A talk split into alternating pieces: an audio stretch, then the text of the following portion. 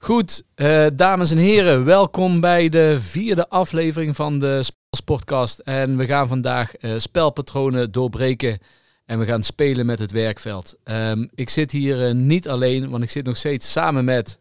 Ja, ik ben er nog. Ik ben Thijs. Maar we hebben ook voor het eerst in onze podcast hebben we twee gasten bij ons.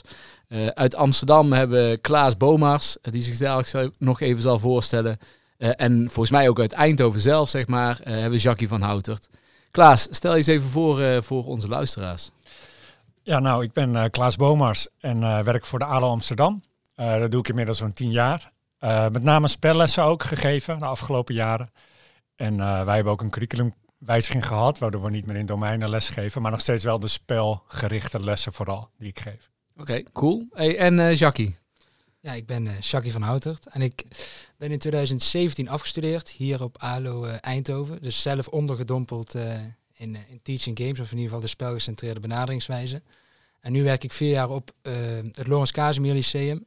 En dan zie je dat het werkveld niet altijd zo denkt zoals je opgeleid wordt op de ALO. En daarom zit ik hier ook denk ik vandaag om eens te vertellen hoe het er in het echt aan toe kan gaan of gaat.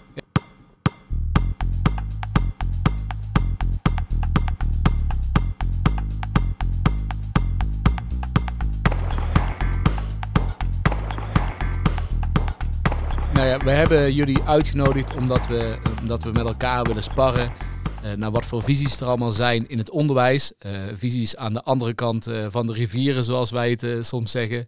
Maar ook visies in het werkveld. om gewoon van elkaar daarin in te leren en om te kijken wat we daarin van elkaar kunnen betekenen.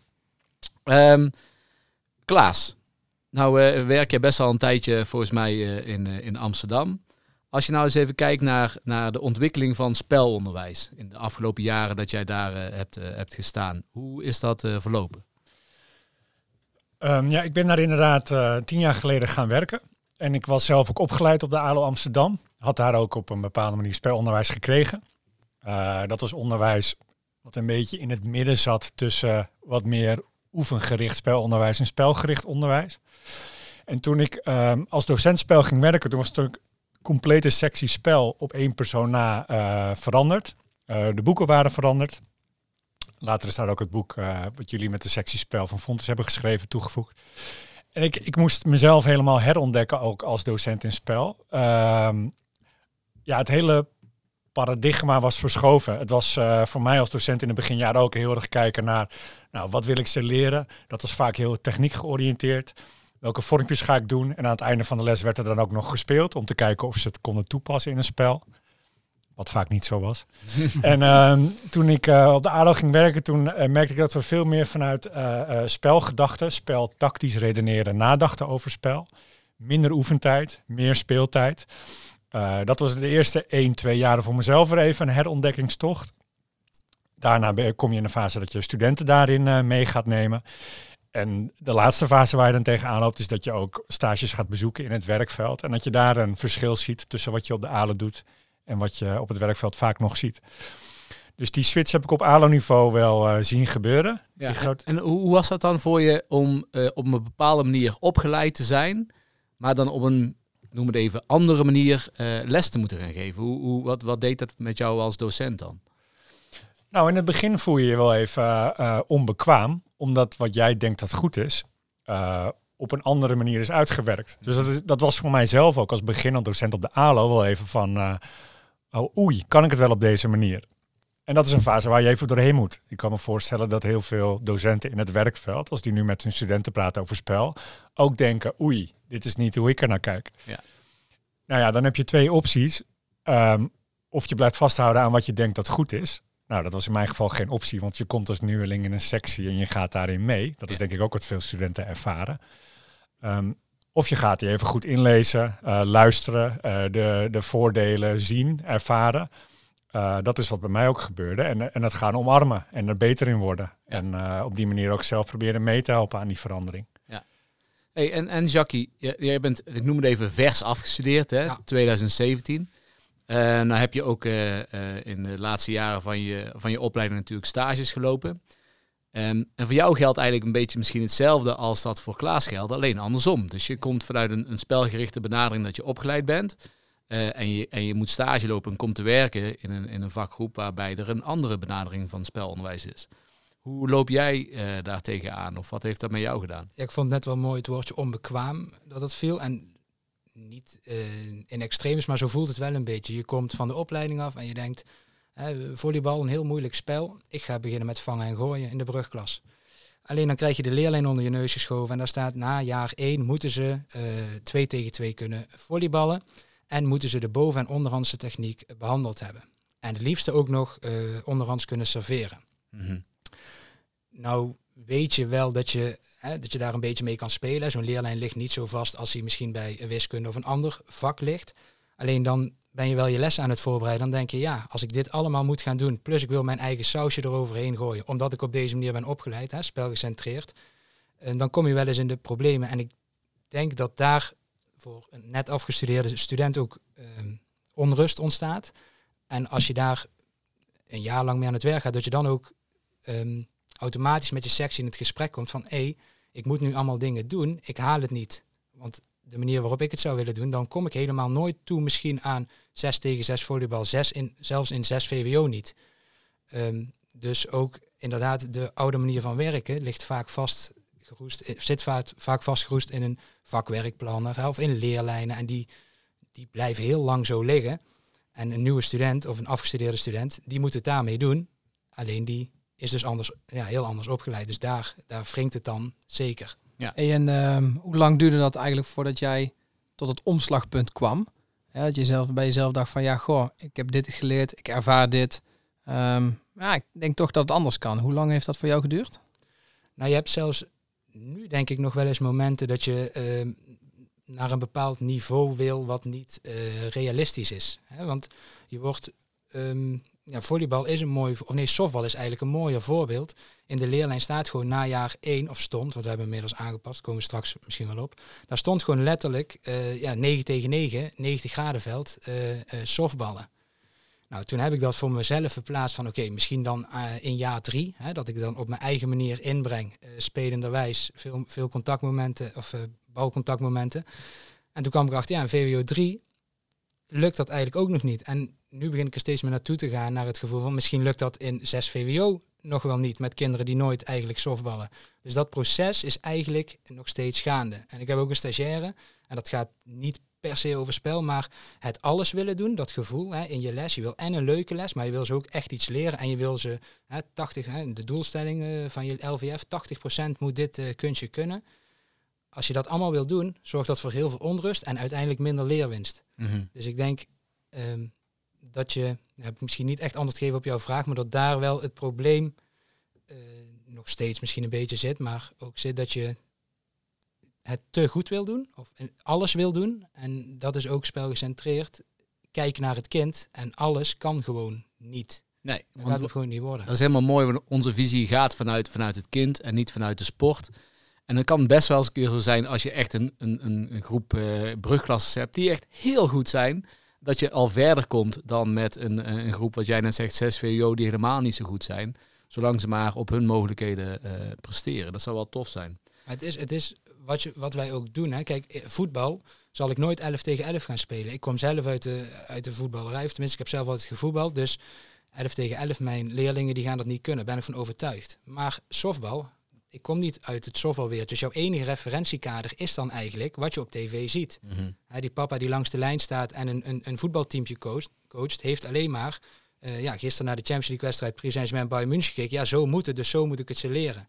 Dus ik denk ook een beetje onbekend maakt onbemind. Nou, dat klopt niet helemaal, maar als je het referentiekader mist, dan zoek je houvast. En dat vormt vaak in dingen als hè, setshot, zwanenhalsje, zakken door je benen en schieten. Ja, je gaat je richten op wat je weet. Wat je weet wat en, je weet. en ja. wat je aan uh, informatie kan vergaren. En ga maar op internet zoeken. Ja, het spelgecentreerde benaderingswijze is in die zin zo vrij geformuleerd dat het niet uh, per se grijpbaar is. En een hele technische oefening, een technische aanwijzing is dat wel. Ja, dat is controleerbaar. En ja. uiteindelijk valt, het, uh, valt of staat dit met het, met het woordje visie. Uh, en je visie vormt of wordt gevormd door je ervaring, je ervaring als leerling, je ervaring als student. Eh, ik denk als ik gestudeerd had op ALO Amsterdam van Klaas, dat ik hier een andere dingen had gezegd dan dat ik eh, gestudeerd heb in, eh, in Tilburg. Want destijds was het nog Tilburg. Ehm, en Klaas, als je nou kijkt naar die studenten die jij, de, de die jij tien jaar geleden had, zeg maar, en die afstudeerden, en een student die nu afstudeert. Wat is, wat is dan naar jouw idee met betrekking tot het geven van spelonderwijs dan ehm, een, een shift die ze misschien wel of niet hebben gemaakt in Amsterdam? Ja, ik denk, en dat zit ook wel in het voorbeeld uh, wat Jackie net geeft. Uh, het is denk ik heel erg belangrijk dat als je met elkaar het hebt over spel of als je bezig bent met het ontwerpen van spel, dat je je dan realiseert in welke volgorde je dat doet en vanuit welk referentiepunt. En als ik kijk naar tien jaar geleden, dan uh, werden wij erg opgeleid vanuit de praktijkdomeinen, dus het domein spel. Mhm. Dat was weer opgedeeld in sporten, zo stonden die ook in het rooster. En per sport zette je dan op een rijtje wat je wilde dat de leerlingen konden. Bijvoorbeeld 2 tegen 2 volleybal met gebruik van een goede onderhandse en bovenhandse techniek. En die ordening die zorgde er ook voor dat je in je lesgeven en in je beoordelen en in de uitwerking van je lessen, dat je, dat je, dat je vanuit daar uh, je lessen ging bouwen. Waardoor het dus heel erg techniekgerichte lessen werden. En wat wij uh, uh, nu tien jaar later doen, is dat we niet meer kijken vanuit praktijkdomeinen of vanuit sporten, maar vanuit of, leerlijnen of de grondvormen van bewegen. Dat we als het om de wat meer spelgerichte leerdoelen gaat, kijken vanuit tactisch leren spelen. Mhm. Dat je van daaruit dus ook de doelen formuleert. Nou, in het uh, uh, boek Spel en Zicht staan daar bijvoorbeeld mooie voorbeelden, rubrics voor, die redelijk algemeen zijn geformuleerd. En van daaruit kun je die ook weer specifieker maken voor jouw leerdoelen. Mhm. Ehm, en als dat het referentiepunt is, uh, die voorkennis, die rubrics en dan je lessen gaan ontwerpen, ja, dan kom je tot totaal andere lessen. Maar het is denk ik heel erg belangrijk als iemand die tien jaar geleden is afgestudeerd, zoals ik, of langer, of de student die nu vers van de academie komt, dat je eerst met elkaar goed dat gesprek hebt over vanuit welke doelstellingen redeneren wij nu.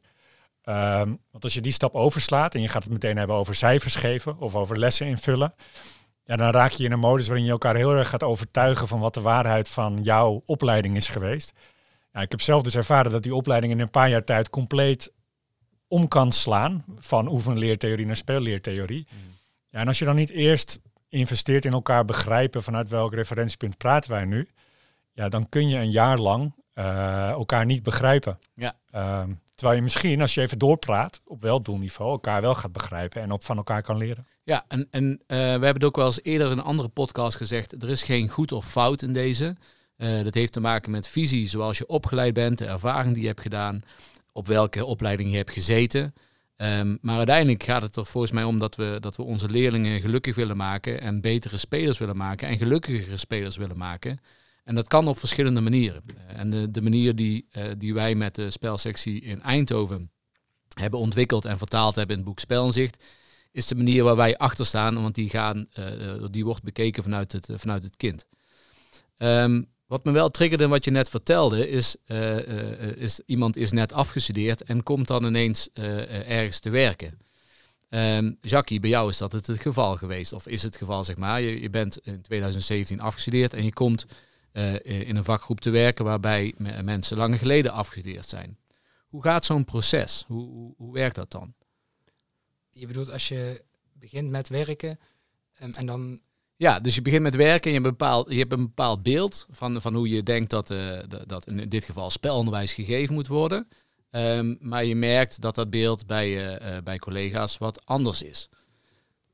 Ja, je, je komt zelf binnen met het idee van ja, ik weet hoe het moet. Hè. Ja. Net van de opleiding, ja, ik, ik heb alles ligt nog vers in het geheugen. En dan wat ik net toen, toen straks al zei, de eerste botsing, die krijg je met jezelf of, of met een collega op het moment dat je die leerlijnen niet stroken met hoe jij het wil gaan doen. Mhm. Dus je gaat niet aan de doelen komen, toekomen die je als collega's eigenlijk, eh, waar, waar je, waaraan je conformeert op het moment dat je daar gaat werken. Ehm, wij hebben hem, dan praat ik puur over onze situatie, iets breder getrokken. En dat ging meer over het beoordelen. Dat ik daar uh, als eerste over ben begonnen. Dat ik vond dat daar geen uh, ja, alignment in, in zat eigenlijk. Um, Alleen dan kom je dus, als je, als, als je dat als uitgangspunt en dan denk je, ga je, gaat het over beoordelen hebben, dan merk je al heel snel dat het ook op lesniveau, uh, dat je het heel anders, ja, misschien het hele vak wel heel anders interpreteert. En ja, ik, ik weet niet hoe, of dat wij al uit dat proces zijn of dat wij nog midden in dat proces zitten. We maken wel grote stappen. Ehm, en je ziet dat je op zoek gaat naar ehm, mensen die het hetzelfde doen als jij. En daardoor is het misschien zelfs nog lastiger om iemand die iets heel anders doet, om die te begrijpen. Ja. En dat, ja, dat levert stevige discussies op. Dat levert ook wel moeilijke gesprekken op. Ehm, en het antwoord daarop heb ik nog niet, hoe Nee. je daaruit komt. Nou ja, het mooie is wat Klaas volgens mij ook net zegt, hè, is, is met, met elkaar in, eh, in gesprek blijven eh, en open blijven staan voor, ehm, eh, eh, voor visies van een ander. En niet overtuigd zijn voor je eigen. En, en, eh, ik kan me voorstellen dat als je, wat je zegt, je hebt eerst een confrontatie met jezelf. En dan ben je daar enigszins, enigszins uit. En dan is het een- ineens een confrontatie met een ander. Maar dat moet het eigenlijk helemaal niet zijn. Het moet juist samen ergens naartoe komen zijn. Hé hey Matthijs, ehm, nou weet ik dat jij op het eh, Koning Willem I College in Den Bosch eh, heel lang hebt gewerkt. Eh, en de mbo-opleiding, waar je ook hetzelfde hebt meegemaakt. Vertel eens even hoe dat proces voor jou is gegaan.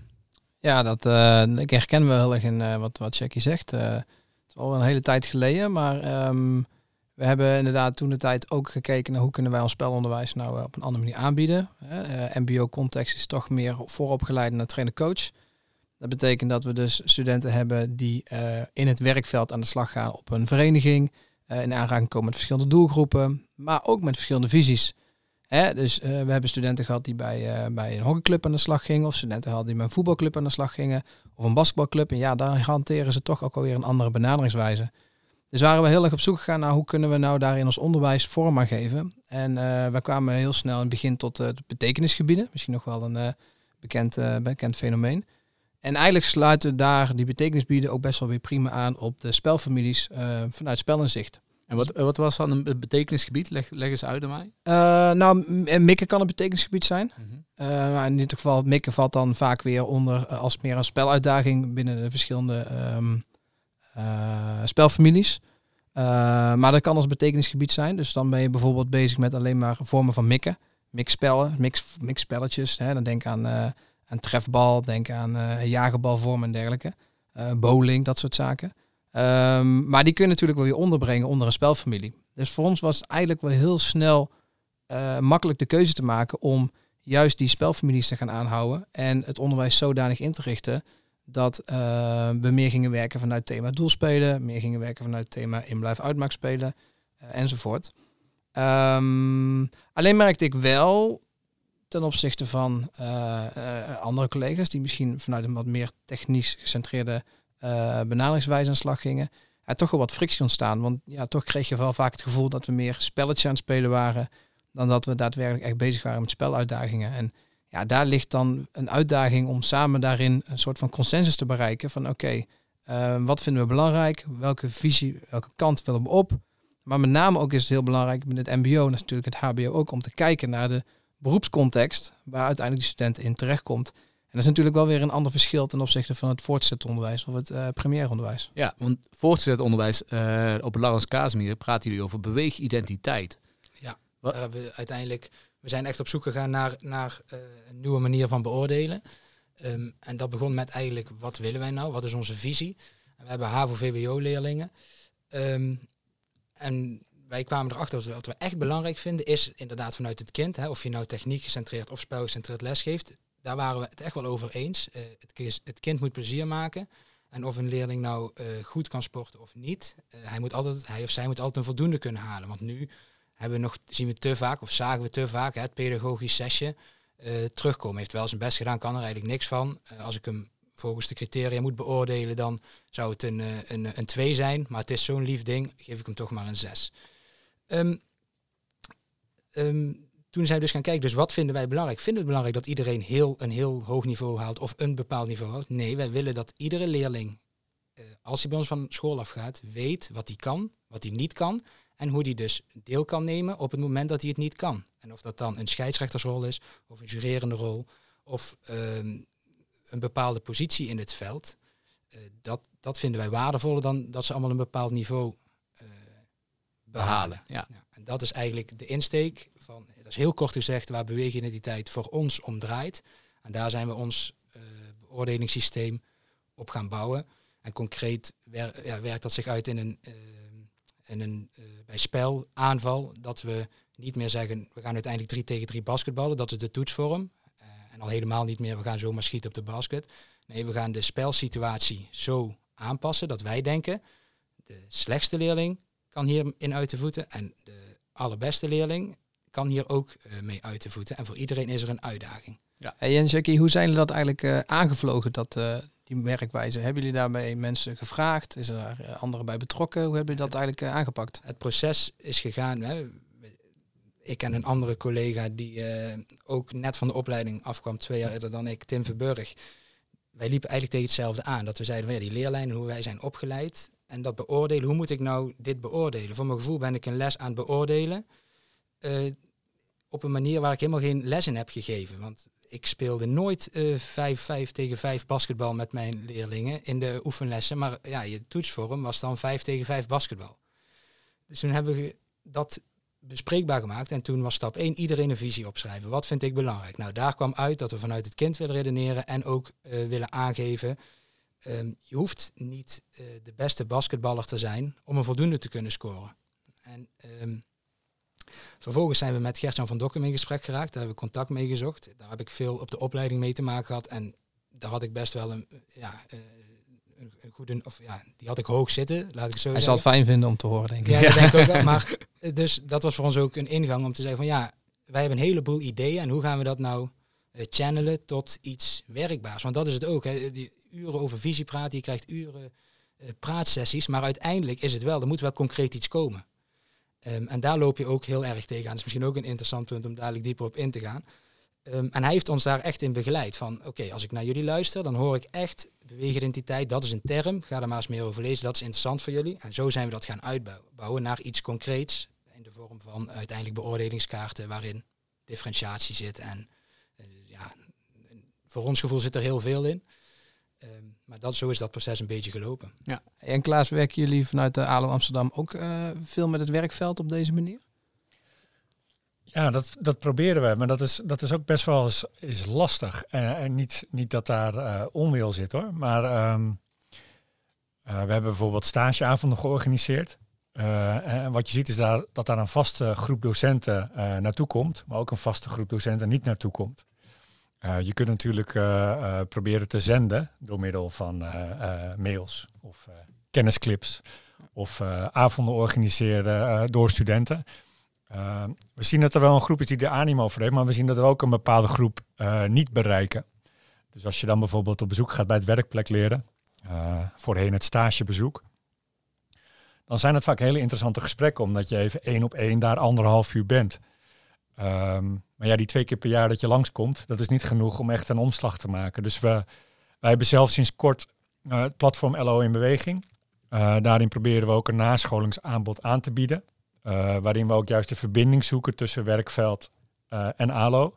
We proberen enerzijds ons nieuwe curriculum, wat, wat vers is en echt anders is, proberen we voor het voetlicht te brengen. Wat is daarin dan anders dan dat jullie als werkveld zijn opgeleid?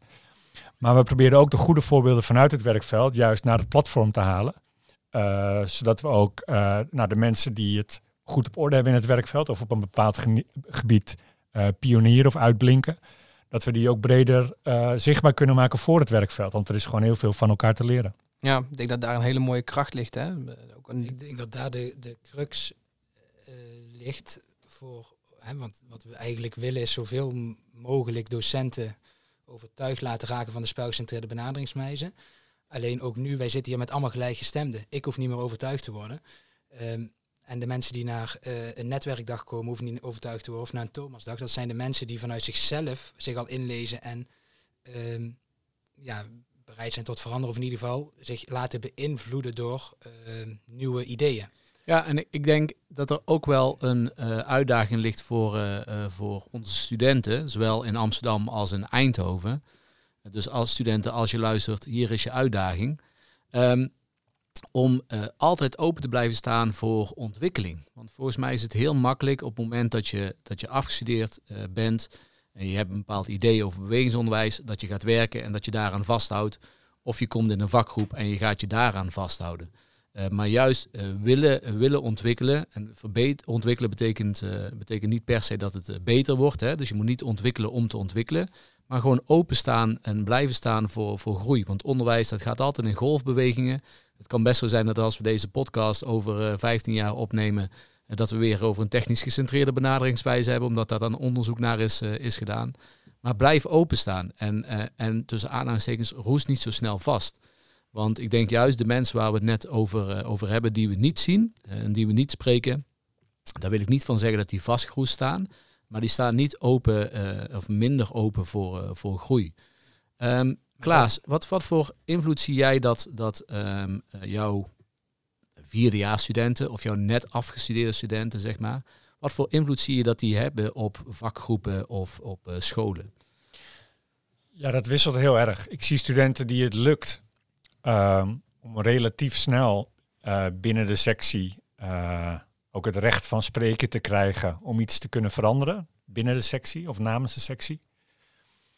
Eh, dat is een relatief kleine groep studenten die dat al heel vroeg voor elkaar krijgt. Ik zie ook een groep studenten die ehm, nou, eigenlijk een beetje, ook wat betreft, heel erg zoekende zijn van hoe, hoe krijg ik nu de mensen mee. En dat hangt dan ook heel erg af van hoe groot is de sectie. Uh, hoe veranderingsgezind is de sectie. Uh, er zijn secties die van elkaar geaccepteerd hebben dat ze het verschillend doen. En laten we het er vooral niet meer over hebben. Nou, die zijn er. Er zijn ook secties die iedere week op basis van visie en inhoud het gesprek met elkaar aangaan. En dus daarin zijn de verschillen per school ook heel erg groot. Ik zie ook een aantal studenten die uh, gewoon echt vastloopt, omdat ze denken te snappen vanuit de opleiding. En die assimileren gewoon naar wat er op de school gebeurt of op de stageplek. En ja, dat zijn soms voor mij als opleidingsstudenten minder fijne gesprekken. Dat je gewoon ziet dat een student tegen een muur aanloopt. En daar is dan vaak ook wel um, wat nodig om, dat, om dat weer op het goede spoor te krijgen. Dus het is, het is super divers. Ik zie studenten die binnen drie jaar tijd een sectie helemaal meekrijgen. Waardoor een sectie eigenlijk soms nog wel vooruitstrevender is dan wat we op de ALO doseren. Omdat het uh, dan binnen een relatief kleine school snel, snel een ontwikkeling krijgt. Uh, ook wanneer dat helemaal niet lukt en alles daartussenin. Uh, maar ik zie wel, uh, als je even een, een, gemiddelde moet nemen, ik zie wel dat er ten opzichte van toen ik op de ALO kwam werken, nogmaals, dat is tien jaar geleden, dat er veel meer scholen en veel meer werkplekken zijn waar er meer tactisch naar spel wordt gekeken en meer wordt lesgegeven vanuit spelen dan vanuit oefenen. Ja. Dat is wel een tendens die ik zie. Kijk, en uh, Jacques, je refereerde toen straks ook al aan, um, de, een spelgerichte benaderingswijze is best lastig. Uh, het uh, zorgt er namelijk voor dat je, dat je wat minder controle als docent hebt. Want op het moment dat je een technisch gecentreerde benaderingswijze hanteert, dan is het best wel duidelijk, ik doe eerst dit, doe dan dat en dan, dan komt er iets na. naast. Uh, het mooie is, ik, ik kom vandaag toevallig net van een stagebezoek af bij de Bosse Vakschool in Den Bosch. en die zegt letterlijk tegen mij van ja, op het moment dat ik hier zes uniockeysticks neer zou leggen en een bal, dan weet ik wat er gaat gebeuren. Namelijk, die kinderen gaan 3 tegen 3 spelen. En, en die potentie, um, uh, dat, dat, dat spelende in het kind, uh, ja, de spelgerichte benaderingswijze zorgt ervoor dat die optimaal uh, benut wordt. Dus dat, de, ja, ik hoop dat je dat, dat, dat, je dat dan meeneemt daarin.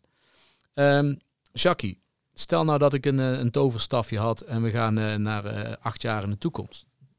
Hoe ziet dan op het Laurens Casimir Lyceum naar jouw idee een tussen aanhalingstekens gemiddelde gymles eruit? Wat, wat, wat zien we dan? Um, een gemiddelde gymles.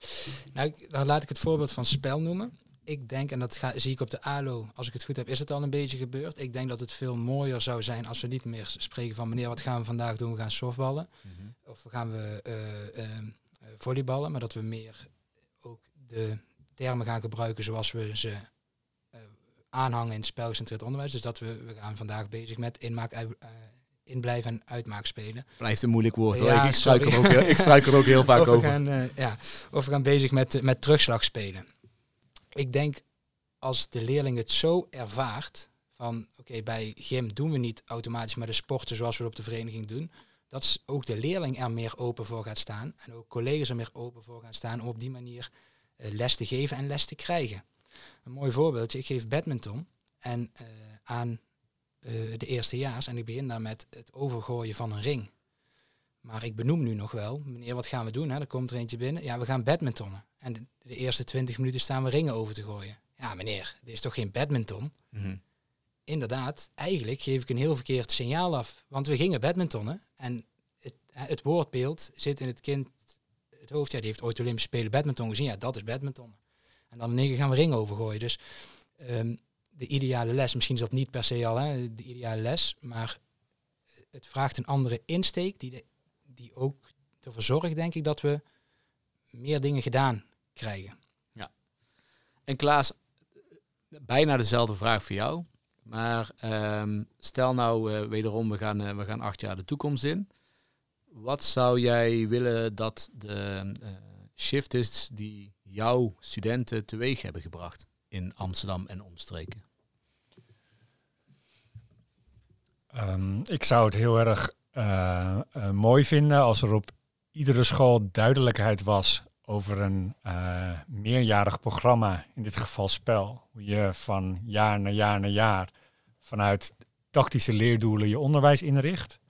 Dat daar binnen een sectie, of die nou klein of groot is, vanuit dezelfde doelen onderwijs wordt ontworpen. En dat je daar ook met elkaar een goed gesprek over hebt. Uh, zodat wat studenten op de ALO leren en wat ze op de werkplekken aantreffen misschien nog wel meer in lijn is met elkaar. Waarbij het een niet beter is dan de ander, maar wel dat het elkaar beter begrijpt. En ik hoop, en dat zeg ik dan meer vanuit uh, uh, de rol als opleidingsdocent, dat de drie groepen die daarbij betrokken zijn, de student, het werkveld en wij als opleiding, dat die van elkaar het goed weten waarom wat waar op die manier gebeurt. Zodat je niet in een soort constante spraakverwarring zit of in een overtuigingsmodus schiet. Maar dat je snapt van nou, op deze school is het zo, want dit is de geschiedenis van de school, zo zijn die mensen opgeleid en daarom is het programma nu wat het is. Uh, en student, wat heb jij daarin te brengen en hoe ga je dat gesprek aan? En dat er ook ruimte is voor over dat gesprek. Want ik merk van die drie groepen, werkveld, opleiding en student, moet de student soms het hardste werken om gehoord te worden. Uh, op de ALO, maar ook op de werkplek. Ja, en ik denk dat zelfs uh, uh, onze studenten van Thijs en van mij in Eindhoven, maar ik denk ook jouw studenten in Amsterdam, uh, juist soms tussen een soort wal en schip vallen. Zeker. Want ze, ze worden op een bepaalde manier opgeleid, en, en, maar moeten stage lopen op een plek waarop het op een andere manier gedaan wordt.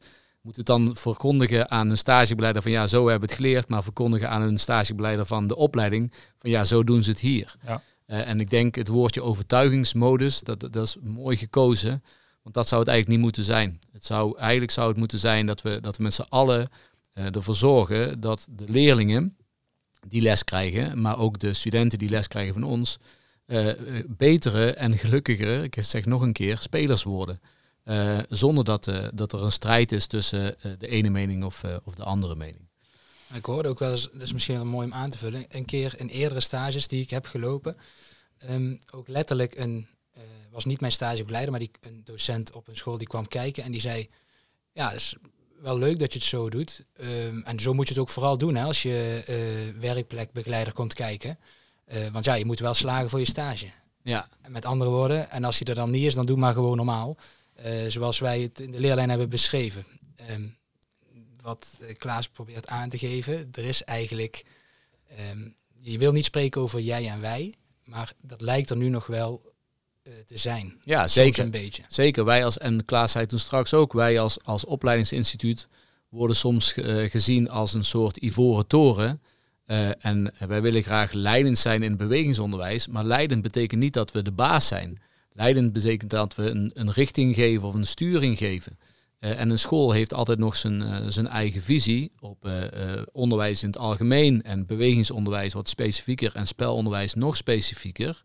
Um, maar dat betekent niet dat, het, dat datgene wat wij onze studenten meegeven, dat dat het is. Dat is het niet. Het is een richting waar we, waar we naartoe gaan. Ja. En ik merk dat ook wel eens vaker dat, dat, dat ook bij in, in het werkveld, dat er dan zo op een bepaalde manier, tussen aanhalingstekens, naar ons wordt, wordt gekeken. Ja, ik merk ook dat ik vaak in één op één gesprekken lukt het me eigenlijk altijd heel goed. Als de tijd er is en de rust of iemand is op een stageavond, lukt het me eigenlijk heel goed om dat gesprek te voeren. En vaak binnen vijf minuten uh, zitten we dan alweer op één lijn. Maar aan het begin van het gesprek merk je vaak wel dat je ergens doorheen moet. Dat je of de ALO moet verdedigen, of dat je de student moet verdedigen, of dat je moet uitleggen uh, waarom ze, en dan citeer ik even de werkwerkbegeleider, geen methodieken meer leren. Ja. En uh, ja, dat is heel vaak een, een, misvatting in taal. en dat is, ja, we doen heel erg ons best, nogmaals, met het platform, met een ALO Expo, met andere manieren om het, het werkveld te contacten en, en ons daaraan te verbinden. Proberen heel erg die dialoog op te zoeken. En die is ook nodig, denk ik. Want daardoor, daardoor zie je weer dat je het wel over hetzelfde hebt, maar net even anders. Ja, en ik denk ook dat het feit dat wij hier nou met z'n vieren zitten, met een afgevaardigde uit Amsterdam en Jackie natuurlijk uit, uh, uit het werkveld. Um, dit is wat we willen. We willen met elkaar gaan samenwerken en we willen elkaar niet overtuigen dat datgene wat in Amsterdam gebeurt, dat dat beter is dan dat het in Eindhoven gebeurt. we willen met elkaar kennis delen over, over spelsportonderwijs. Uh, om, uh, om ervoor te zorgen dat het uh, op een bepaalde manier vormgegeven wordt. Het gaat om kennis delen en het gaat niet om, om kennis stelen. Maar toch zitten wij al heel erg wel. ALO Eindhoven zal het anders aanpakken dan de ALO Amsterdam. Maar over, op de grote lijnen hang je dezelfde ideologie, hè, het spelgecentreerde aan. om het naar het werkveld te krijgen, is denk ik meer nodig dan het delen van ideeën dan het werkveld heeft denk ik echt meer uh, houvast nodig. En die houvast hebben ze nu. En of het nou is van meneer, we gaan vandaag korfballen of we zetten in de leerlijn, ze moeten aan het einde uh, vier tegen vier kunnen volleyballen. Die techniek gecentreerde benaderingswijze biedt die houvast. En dat is ook het lastige van spelgecentreerde benaderingswijze. Er is geen eindpunt. Want het beginpunt is het kind en ieder kind heeft een ander eindpunt. Ja. Dus um, ik snap in zekere zin, natuurlijk moet je erover in gesprek blijven, maar om die stap te maken, om een docent erbij te krijgen, denk ik, die uh, minder voor verandering open staat, is het denk ik ook de uitdaging voor een ALO of, of om een, naslagwerk te maken die daar toch iets meer houvast in geeft. Ja, kijk, de, de studiedagen die we met Netwerk Teaching Games vaak uh, uh, organiseren, voor degene die er nog nooit van heeft gehoord, netwerkteachinggames.nl of kijk op Facebook Netwerk Teaching Games of kijk op Twitter at Teaching Games. Nou heb ik alle sociale media volgens mij wel, uh, wel genoemd. Um, daar, daar plaatsen wij heel veel op. het kost geen geld. ook de Netwerk Teaching Games studiedagen zijn bijna kosteloos omdat we willen dat de kennis gedeeld wordt. En het moet niet iets zijn dat je komt kopen. We proberen daarin zo praktisch mogelijk te zijn, um, zodat we mensen kunnen inspireren uh, om, om uh, met een spelgecentreerde benaderingswijze aan de gang te gaan. En uiteindelijk valt of staat wel alles met het daadwerkelijk doen. Ja, als ik twintig jaar op eenzelfde manier les heb gegeven en ik ga het op een andere manier doen, dan gaat me dat niet lukken, de eerste les. En het gaat me de tiende les ook niet lukken. Maar misschien kan ik dan kijken naar, uh, naar die kinderen in de les en dan zie ik wat voor, wat voor uh, verschil in ervaring ik die kinderen op uh, kan doen.